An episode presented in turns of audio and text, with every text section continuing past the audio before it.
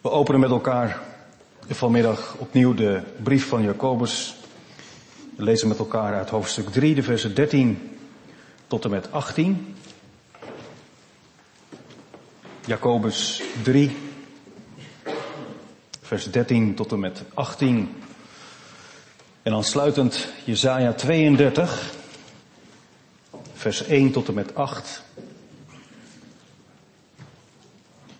En vers 15 tot en met 20.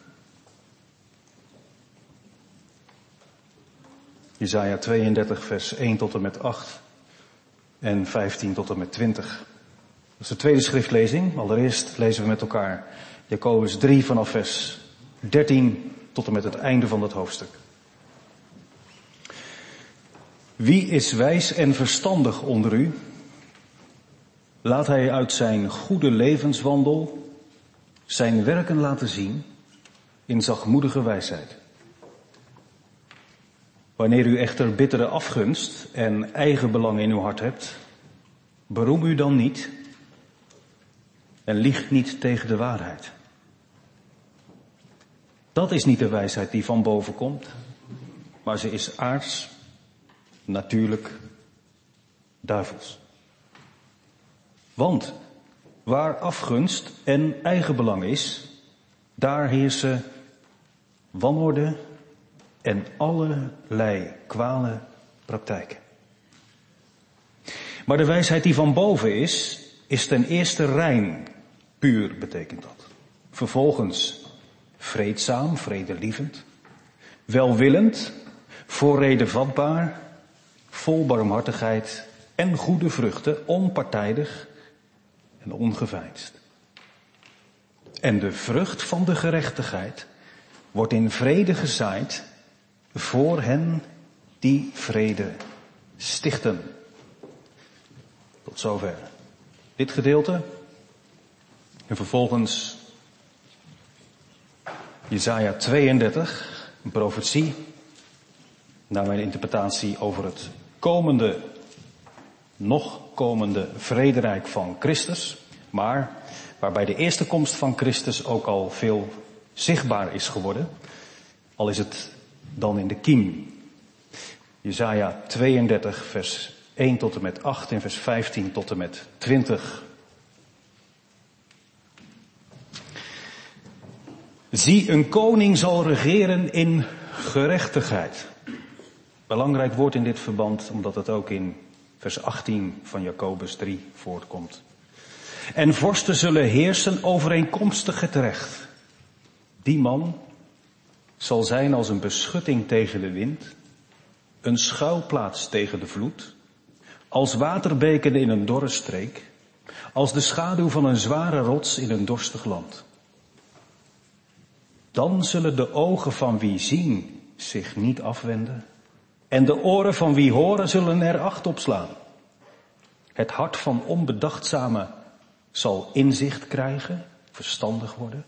En de tong van stamelaars zal bedreven zijn om duidelijk te spreken. Een dwaas zal niet langer edelmoedig genoemd worden. En van een bedrieger zal niet gezegd worden, hij is vrijgevig. Want een dwaas spreekt dwaasheid. En zijn hart bedrijft ongerechtigheid. Door het plegen van goddeloosheid, het spreken van lastertaal tegen de heren, het onverzadigd laten van de hongerigen en het dorstige aan drinken doen ontbreken. De middelen van de bedrieger zijn slecht. Hij brandt schandelijke plannen om de ellendige te gronden te richten door leugenachtige woorden. En wanneer de arme spreekt, het recht. Maar de edelmoedige beraamt edelmoedige plannen. En hij staat voor edelmoedige daden. Na dat toekomstperspectief komt er nog een reden vol met veroordelingen. Tot en met vers 14 en dan uiteindelijk loopt het uit op totdat in vers 15. Totdat de Heere ophoudt met straffen en over ons uitgegoten wordt de geest uit de hoogte. Dan zal de woestijn tot een vruchtbaar veld worden. En het vruchtbare veld zal als een woud beschouwd worden. Het recht zal wonen in de woestijn en de gerechtigheid zal verblijden, verblijven op het vruchtbare veld. Daar heb je het weer. De vrucht van de gerechtigheid zal vrede zijn. En de uitwerking van de gerechtigheid, rust en veiligheid tot in eeuwigheid. Mijn volk zal verblijven in een woonplaats van vrede.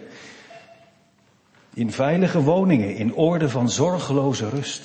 Waar men afdaalt in het woud, zal het hagelen en de stad zal wegzinken in de diepte. Welzalig bent u die aan alle wateren zaait, die rund en ezel daarheen drijft. Tot zover de lezing uit het woord van God.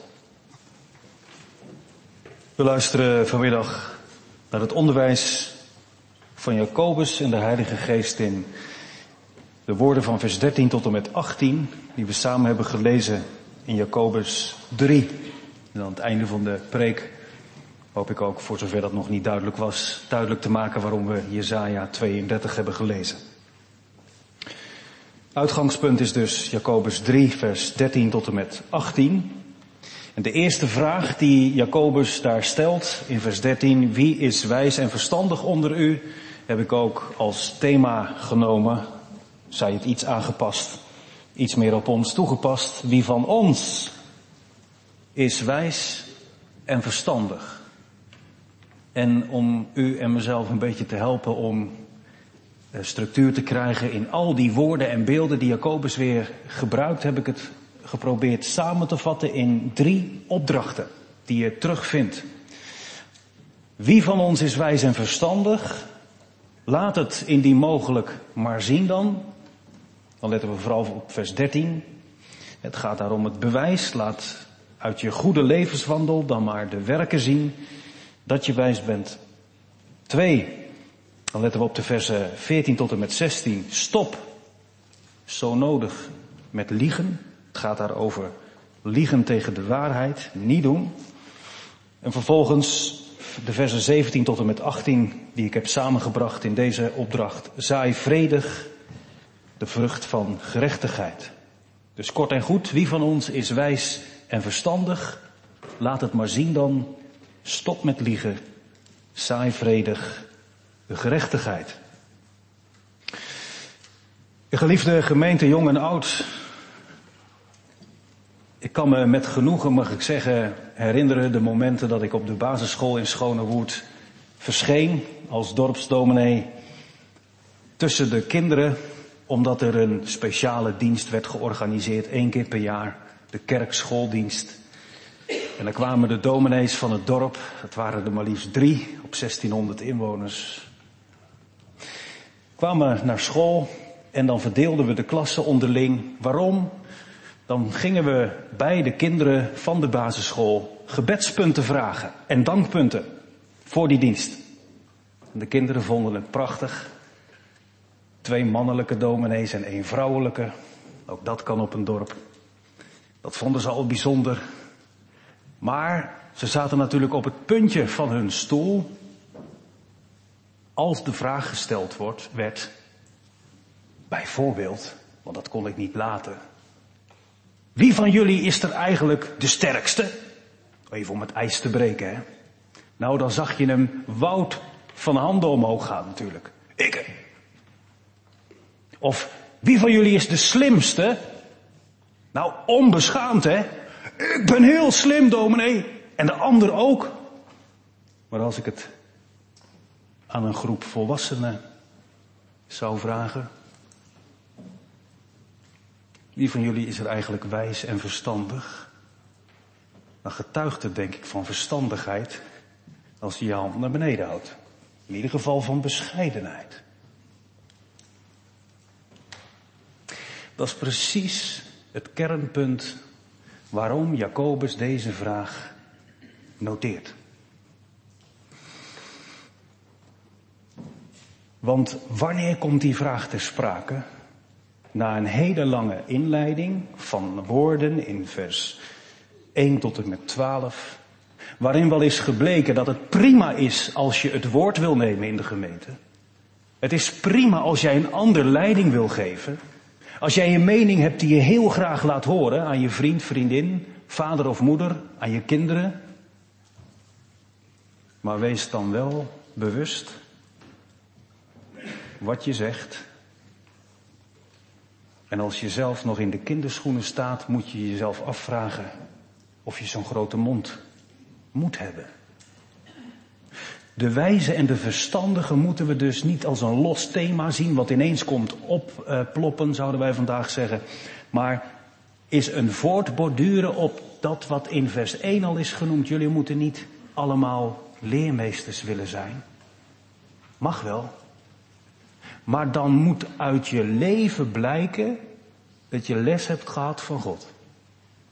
En les hebt gehad van God door andere leermeesters uiteraard. Wie is wijs en verstandig onder u? Ja, dat is de concluderende vraag naar dat scherpe onderwijs dat we voorzichtig moeten zijn in het onderwijzen van anderen, in het woord nemen. Want voor je het weet, blijkt hoe onvolwassen je bent. Nu ik het heb over het woordje blijkt, dat is waar Jacobus naar wijst. Ik zat er eerlijk gezegd alweer een beetje op te wachten, want in hoofdstuk 2 ging het heel erg over de daden. Je kunt wel mooi praten, maar als je niet doet wat je zegt, dat kan niet samengaan, toch? Je kunt niet hele mooie woorden spreken en in je leven er maar een, een rommeltje van maken. In hoofdstuk 3 heeft hij dat wel enigszins genuanceerd. Ja, wacht even, het wil niet zeggen dat het spreken er niet toe doet. Het is niet zo van geen woorden, maar daden. Nee, de woorden en de daden moeten er allebei zijn. En daarom is hij in hoofdstuk 3 ook weer begonnen met het onderwijs geven over het spreken. En eindigt het met het onderwijs over. Laat maar zien dan, weten jullie het nog jongens en meisjes, het eerste punt van de preek. Ben je wijs en verstandig? Laat maar zien dan. Dat blijkt uit wat je doet. En daar hoort ook het spreken bij. Maar ook je gedrag, je levenswandel. Om een misverstand te voorkomen, jongens en meisjes, en ik zeg dat eigenlijk tegen de gehele gemeente. Als Jacobus dus hier vraagt wie is wijs of verstandig onder u, en zelf doe je bijvoorbeeld basis of kader of GL. Of je merkt op de, op de basisschool dat je niet de hoogste cijfers hebt van de klas. Dat Jacobus het niet over jou heeft. Dat, je, dat wijs en verstandig betekent, je moet heel intelligent zijn. Je moet een heel hoog IQ hebben. Je moet een hoop hersens hebben. Wie heeft dat? Nee, hij vraagt hier niet naar hoe slim de mensen zijn, maar hoe gehoorzaam. Nog een keer. Wijsheid en verstandigheid hebben in de Bijbel, in Oude en Nieuwe Testament, altijd te maken met gehoorzaam jij God. Dat kun je ook met wat minder verstand. En dat wordt niet bepaald door intelligentie, maar door toewijding. Het beginsel van alle wijsheid is ontzag te hebben voor God. En je naaste lief te hebben. Dat blijkt ook als je het boek Spreuken, dat is echt een aanrader. Spreuken of prediker, ik zal beginnen met Spreuken. Als je dat gaat lezen, dan zie je dat wijsheid en verstandigheid niet zomaar alleen maar intelligentie is van mensen die hele ingewikkelde dingen kunnen bedenken en uitspreken, maar de manier van leven. Inderdaad, de goede levenswandel. Je herkent iemand die verstandig is in dat hij betrouwbaar is. Dat raakt vriendschap. Dat raakt je taalgebruik. Dat raakt de omgang tussen man en vrouw. Op het gebied van de seksualiteit. Heel praktisch. Dat trekt een spoor door, door hoe werkgevers en werknemers met elkaar omgaan. Mensen die wijs en verstandig zijn gemaakt door God, die herken je aan de manier waarop ze laten zien wat God van mij vraagt dat gehoorzaam ik. De goede levenswandel is dus niet, zie mij het is net eens even beter doen dan jou, dan, dan jou. Jij? Nou ja. Zie mij het niet net even gereformeerder doen dan u. De goede levenswandel is, Heere, wat wilt u dat ik doen zal? Nadenken voordat je wat zegt. Oeh, je vinger gaat precies de goede kant op. Nadenken over hoe je het zegt. Je woorden wegen. Waarom? Omdat je zomaar de ander beschadigt in plaats van helpt. Daarom, wijsheid kenmerkt zich door zachtmoedigheid. En ik denk dat mensen die een stevige persoonlijkheid hebben, mensen die rap van tong zijn, die zich overigens niet meteen meer aangesproken hoeven te voelen dan mensen die het minder hebben, maar toch, dat die wel een klein beetje een schuurervaring hebben bij deze tekst. Hè? Ja, zachtmoedige wijsheid. Nou, dan, dan kunt u naast de mensen gaan zitten in de tijd van Jacobus. Want het was in die tijd helemaal niet populair om zachtmoedig genoemd te worden. Dat was echt iets, een nieuwigheid, die in de christelijke leer werd gepropageerd en waar Christus Jezus zelf het voorbeeld van was. Daarom zegt Paulus, daar stuit ik steeds op bij de Grieken en bij de geleerden.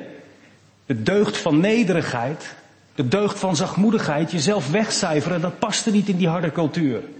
Autoriteit, dominant zijn. Dat was waar je mee voor de dag kon komen. Is dat wat Paulus dan hier bedoelt? Een soort zachtaardig mens zijn? Zachtmoedig in de zin van goeig, om de lieve vrede wil, conflictmijdend? Nee. Misschien kan ik het duidelijk maken met een Bijbels voorbeeld. Wat vindt u van het karakter van Mozes? Ik denk dat de jongens en meisjes ook best wel wat verhalen kennen hè, uit het leven van Mozes. Die gebruikte soms eerder zijn vuisten dan zijn mond. Hij had het uit kunnen spreken met die Egyptenaar, maar in een heilige verontwaardiging over het onrecht wat zijn volk werd aangedaan, in een situatie waarin je misschien wel van een oorlogssituatie kunt spreken, slaat hij zo hard dat die Egyptenaar niet meer ademt. En op een gegeven moment in zijn leven is hij zo klaar met zijn positie als leidinggevende aan het volk Israël. Dat als God zegt, spreek tot de rots en er komt water voor jou en het volk, dat hij er met de staf op slaat. Vindt u van dat karakter? Staat toch niet in de top 5 van de meest zachtmoedige mensen. Hè? Weet u wat er in de Bijbel over Mozes geschreven staat? Er bestaat geen top 10 van zachtmoedige mensen. Er is er maar één die zo zachtmoedig is geweest als Mozes. Mozes is de meest zachtmoedige mens die er op aarde geleefd heeft. Dus zachtmoedigheid is niet zomaar een karaktertrek. Voor niet driftige mensen, voor de meegaande types, die de zaak het liefst een beetje glad strijken. Nee, zachtmoedigheid is een kenmerk van mensen die door God worden gebruikt om leiding te geven. Al zijn ze nog zo driftig als wat, al hebben ze een persoonlijkheid zo groot als die twee deuren daar. Zachtmoedigheid is wijsheid van boven, zachtmoedige wijsheid van boven. Een kenmerk van genade. Waaruit blijkt dat je jezelf overboord kunt zetten. Over je eigen schaduw hebt leren heen stappen. En het nut en het behoud en de eer van God. Het nut en het behoud van de naast en de eer van God op het oog hebt. Ik denk bijvoorbeeld aan dat moment dat Mozes als bemiddelaar op de berg bij God is. En Mozes de heilige toren, de heilige woede van God voelt als God zegt. Ik schrap dat volk uit mijn boek, ze zijn te ver gegaan. En dat Mozes zegt, doe dat niet God, denk aan uw verbond. Zet mij dan maar weg, zet maar een streep door mijn naam. Haalt u mij maar uit uw boek, maar laat het volk alstublieft nog een kans krijgen. Dat is zachtmoedigheid. Dat je nadenkt over hoe kan ik, al gaat het ten koste van mezelf, van mijn naam, van mijn ego, wat dan ook. Hoe kan ik ervoor zorgen dat God aan zijn eer komt en dat de mens naast mij gered wordt. En hoeveel bewijs wordt er vanaf de kansel en vanuit de kerkbank en thuis, de luie stoel, bij de laptop, van de keukentafel geleverd? Wie van ons is wijs en verstandig? De driftkikkers en de grote persoonlijkheden hoeven het hoofd dus niet te laten hangen. Want de grootste, die zachtmoedig wordt genoemd, was een driftig man. De vraag is, heb je het geleerd? Kun je het bewijs laten zien? Sterker nog, als u het aan onze buren gaat vragen, aan onze kinderen, in de familie.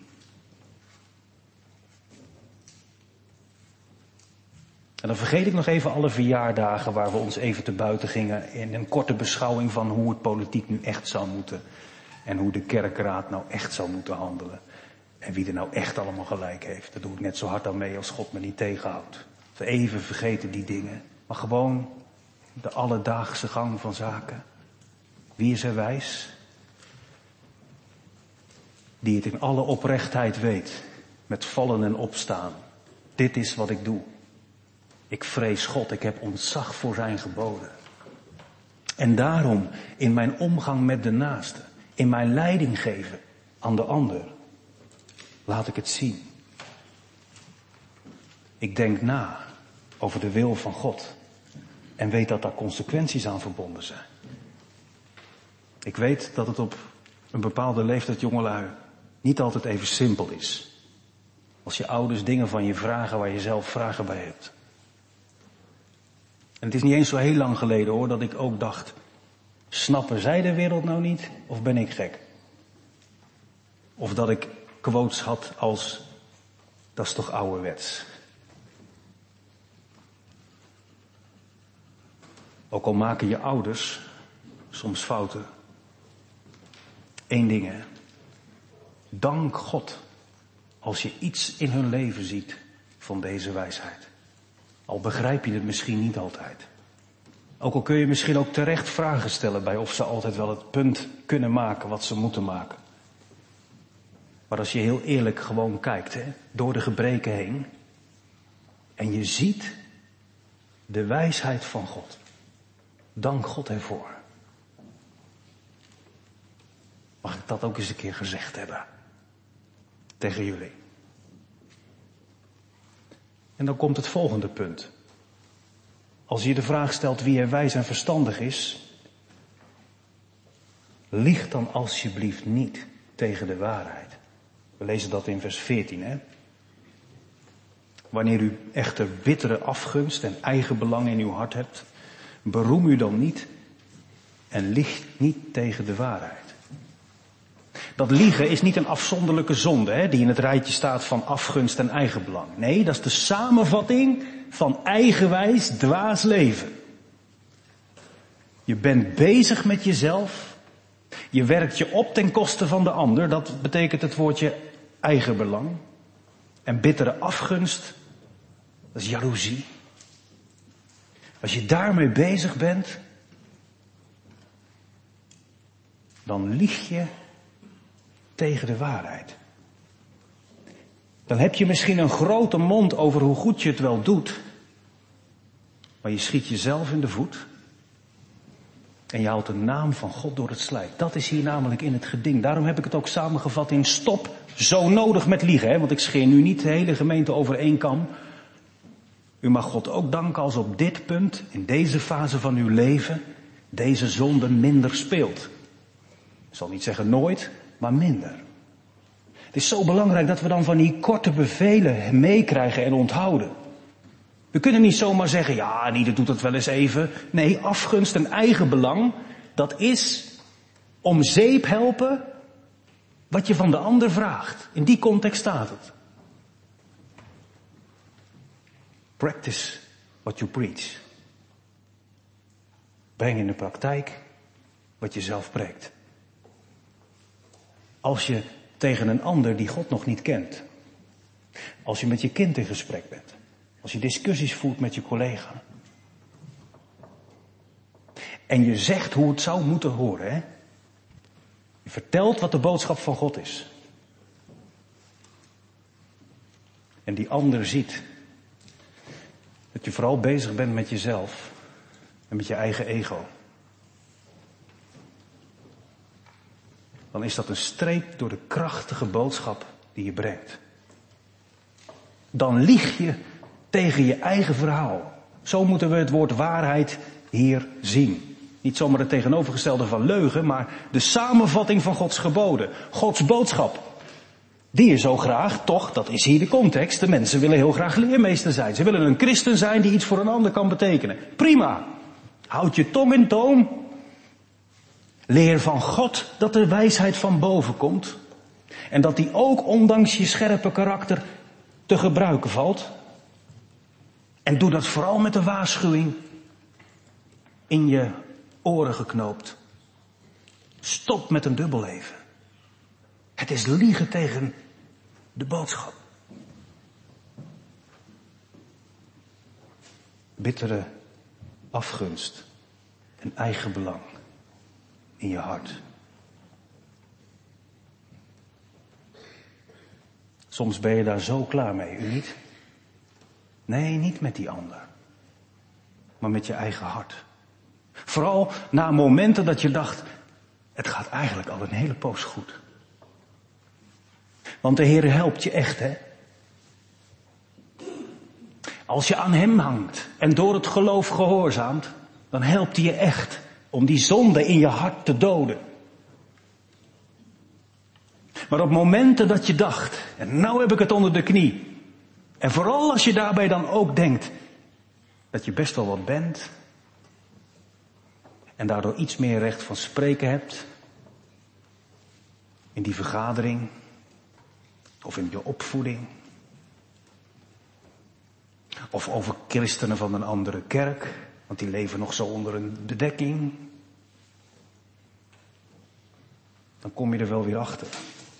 Is het nou echt altijd zo geestelijk? Mijn omgang met die ander? Vergeet het nooit. Het is niet zomaar een onschuldige karakterzonde. Het koninkrijk van God is in het geding. Besmeur de naam van de meester niet. Leer hoe God het elke keer weer in Oude en Nieuwe Testament voorhoudt. Wijsheid en verstandigheid. Dat is zo nodig om een goede herder, om een goede opvoeder, om een voorbeeldchristen te zijn. En dat blijkt uit hoe je leeft. En misschien wel mensen van buiten prikken er het gemakkelijkst doorheen. Dan past inderdaad het gebed. Zet Heer een wacht voor mijn lippen.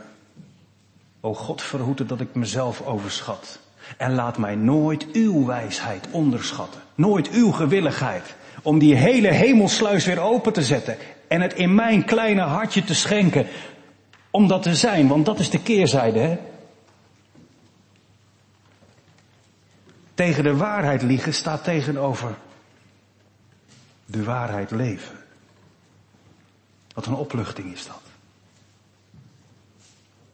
Ook als je het verkeerd hebt gedaan, dat in het koninkrijk van God er altijd vergeving is. Dat de kracht van het geloof is niet dat we nooit vallen, maar dat we steeds weer op mogen staan. En omhoog kijken en zeggen, o God, geef dat u de bron van alle wijsheid, mij ware wijsheid leert. Geef opnieuw de kracht van uw geest in deze moeilijke discussie, in de omgang met de ander. En doe mij beseffen dat met eigen belangen en grote ego's en jaloezie uw kerk beschadigt. Dat kan ook niet anders. Want die wijsheid, die komt niet van God. Dat is een pseudo-wijsheid. Ik houd het mezelf maar voor, maar dat is niet zo.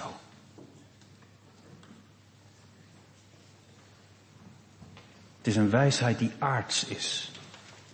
Dat mag je wel letterlijk nemen en dan in de negatieve zin. De wijsheid van beneden. Dat wat mensen bedenken. De wijsheid van deze wereld. Die het beter weet dan God. Die zo erg gericht is op carrière en zo weinig op het kruis. Die zo vaak ten koste gaat van anderen en niet van jezelf. Die zo haak staat op de wijsheid van God. Het is een natuurlijke wijsheid, een duivelse wijsheid. Natuurlijk betekent vooral de vinger bij onze verantwoordelijkheid. Hè? Zoals dat van het begin af aan hebben we gehoord, de tong een venijnig kwaad is uit onszelf. Is de duivel er als de kippen bij om dat kleine vlammetje wat altijd een beetje zo flakkert aan te blazen tot een groot vuur van ongerechtigheid.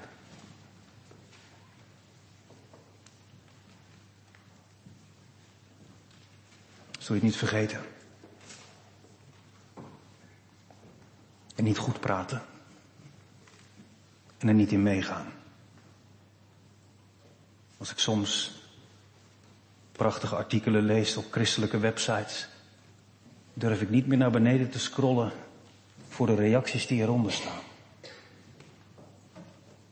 Dat bedweterige, dat veroordelende. En als je daar dan wat van vindt of zegt, dan wordt er gedaan alsof je twijfelt aan de echtheid van het geloof. Of aan de passie waarmee dingen zijn geschreven. Daar gaat het helemaal niet om.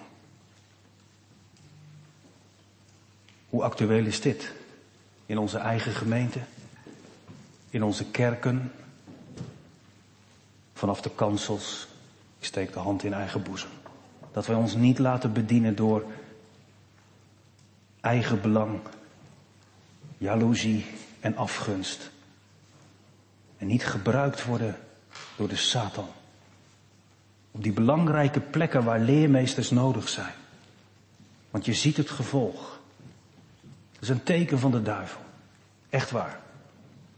Orde van God staat haaks op de chaos van de duivel. Die is er altijd op beducht. Om de zwakke plekken te pakken.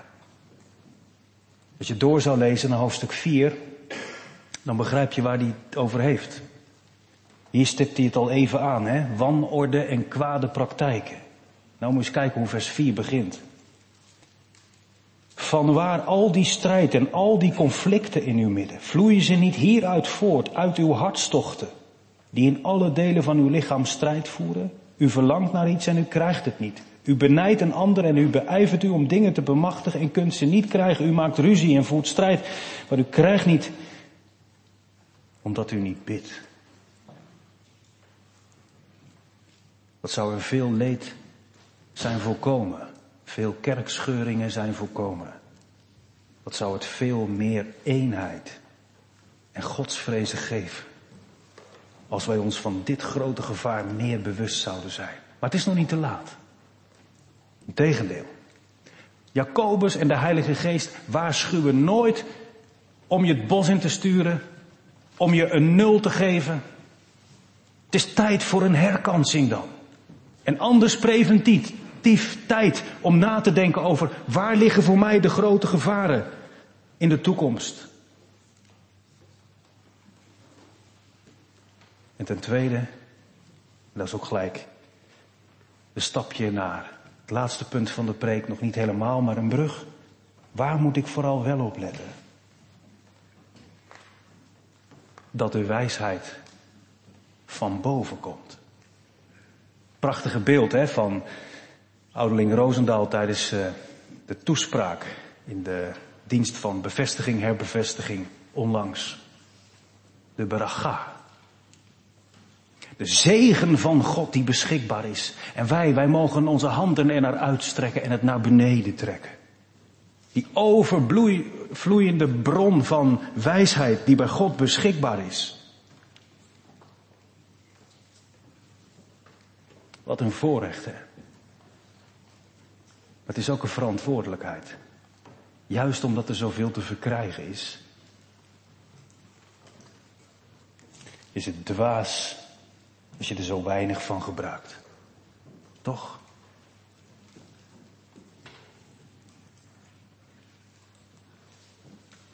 Zoals een klein kind bij de kraan in de keuken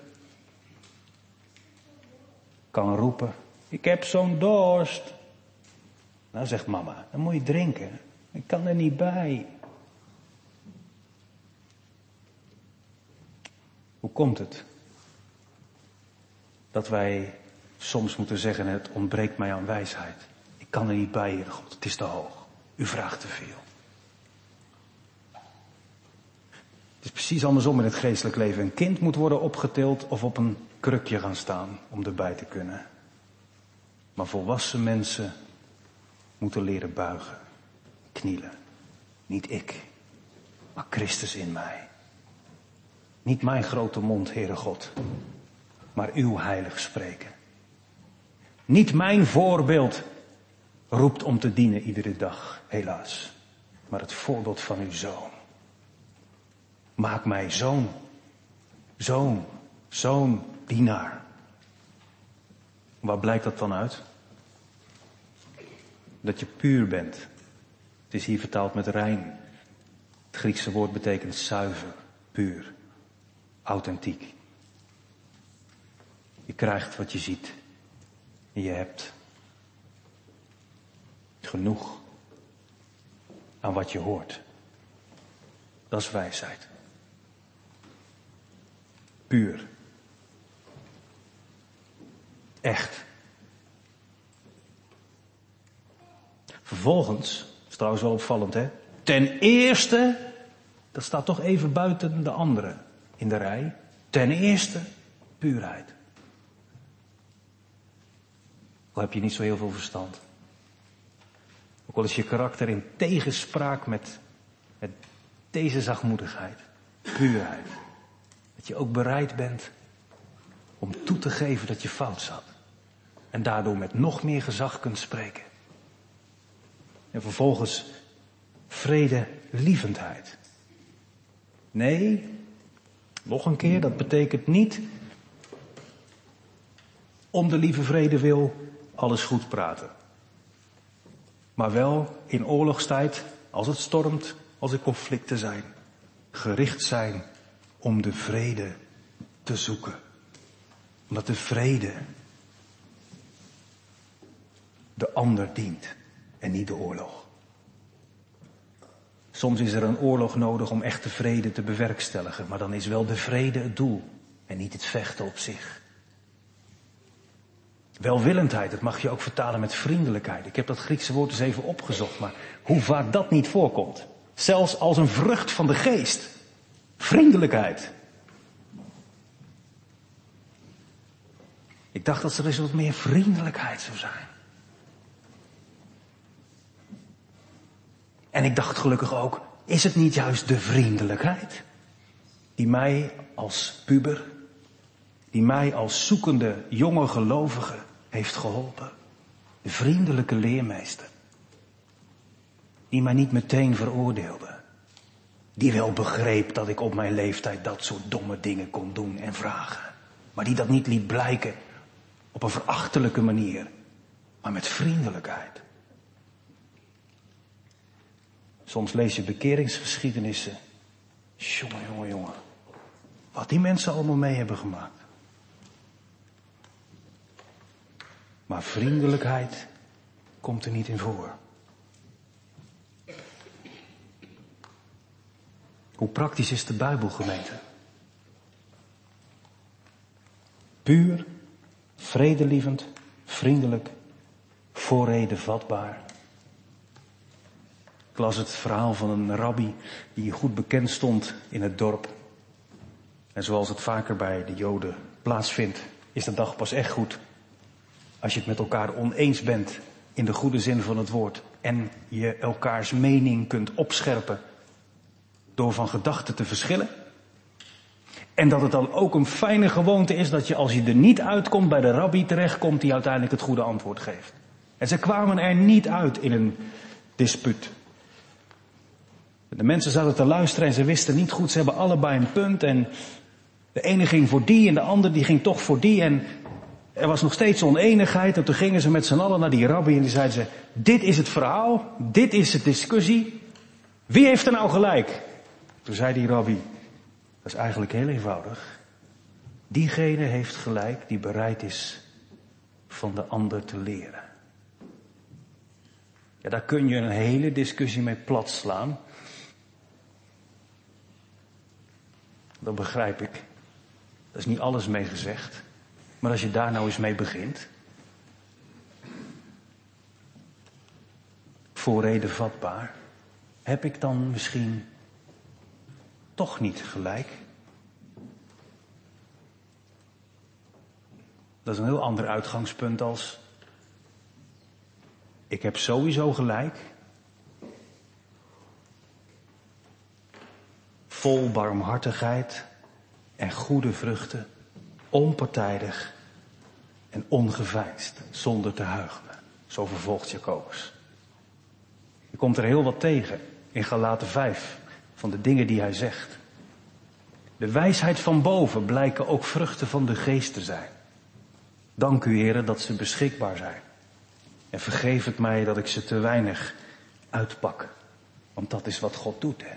Hij geeft het. Het is tot je beschikking. Je hoeft niet op je tenen te gaan staan om erbij te kunnen. Je moet door de knieën gaan om te accepteren dat je ze nodig hebt. Waarvoor? Tot slot. Vers 18. En dan snapt u ook waarom ik dit hele stuk heb samengevat met de opdracht, saai vredig de vrucht van de gerechtigheid. Waar gaat het nou uiteindelijk om? Wat is de slotsom? Nou, dat allereerste begin. Wil niet allemaal leermeesters zijn. Mag wel, maar kijk ermee uit. Weet wat je doet, want er zit een onbedwingbaar kwaad in ons. Je moet toch wel volwassen geworden zijn om de ander niet zomaar te veroordelen, maar het woord van God door te geven. En wat is dan het doel? Dat de vrucht van de gerechtigheid zo wordt gezaaid in vrede, dat er ook vrede wordt gemaakt. Daar gaat het dus om. Het is een ingewikkelde tekst, vers 18. De commentaren die eh, zijn het ook niet overal met elkaar eens. En dat begrijpt u misschien wel. Ineens gaat het over gerechtigheid. We hadden het toch over wijsheid.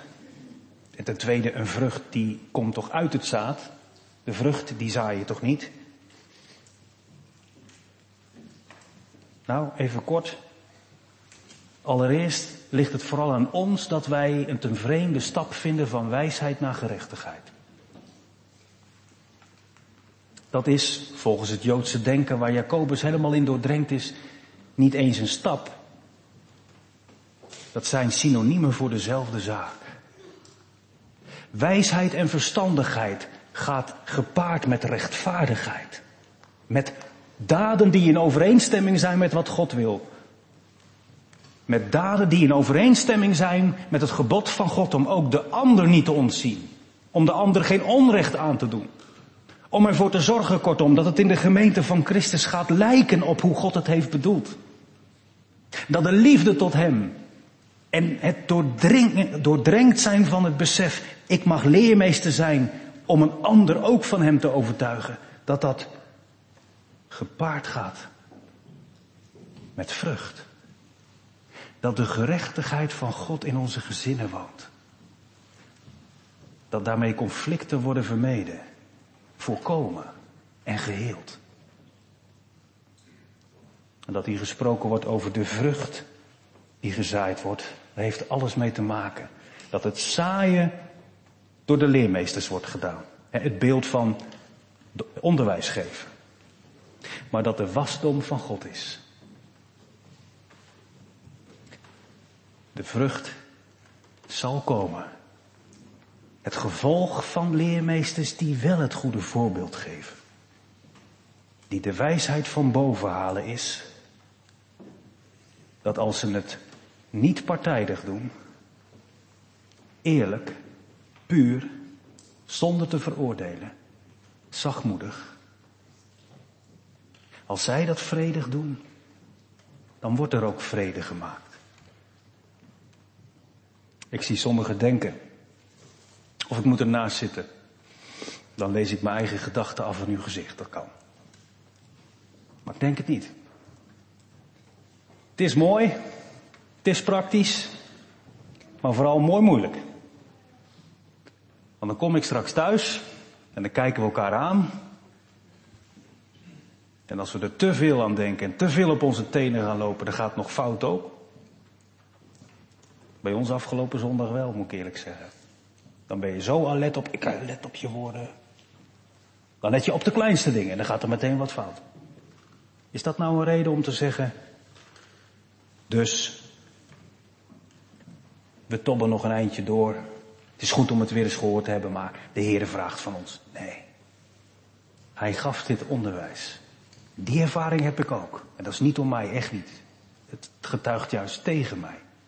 Dat ik dit zelf nog heel hard nodig heb. En soms echt denk, sta ik nog niet in de kinderschoenen. Maar ik heb er in die kinderschoenen dan toch dit van geleerd. Dat als je hier serieus, biddend, afhankelijk van God werk van maakt. In de opvoeding, in de omgang met anderen. Ik een beetje meer minder. Christus meer. Dat het zegent. Dat het gezegend wordt. Dat je er oprecht rust van krijgt.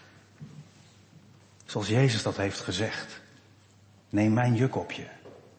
Kom bij mij op les. En leer van mij. Weet jij hoe het verder gaat? Vast wel. Leer van mij dat ik, dan heb je het, zachtmoedig ben. En nederig van hart. En je zult rust vinden voor je ziel. En voor degene die dat ook herkennen. En juist daardoor naar steeds meer verlangen. Ik zou terugkomen op Jezaja 32. Jezus Christus is gekomen. Het voorbeeld van hoe het moet. Hij deed het in mijn plaats, wat ik niet kon.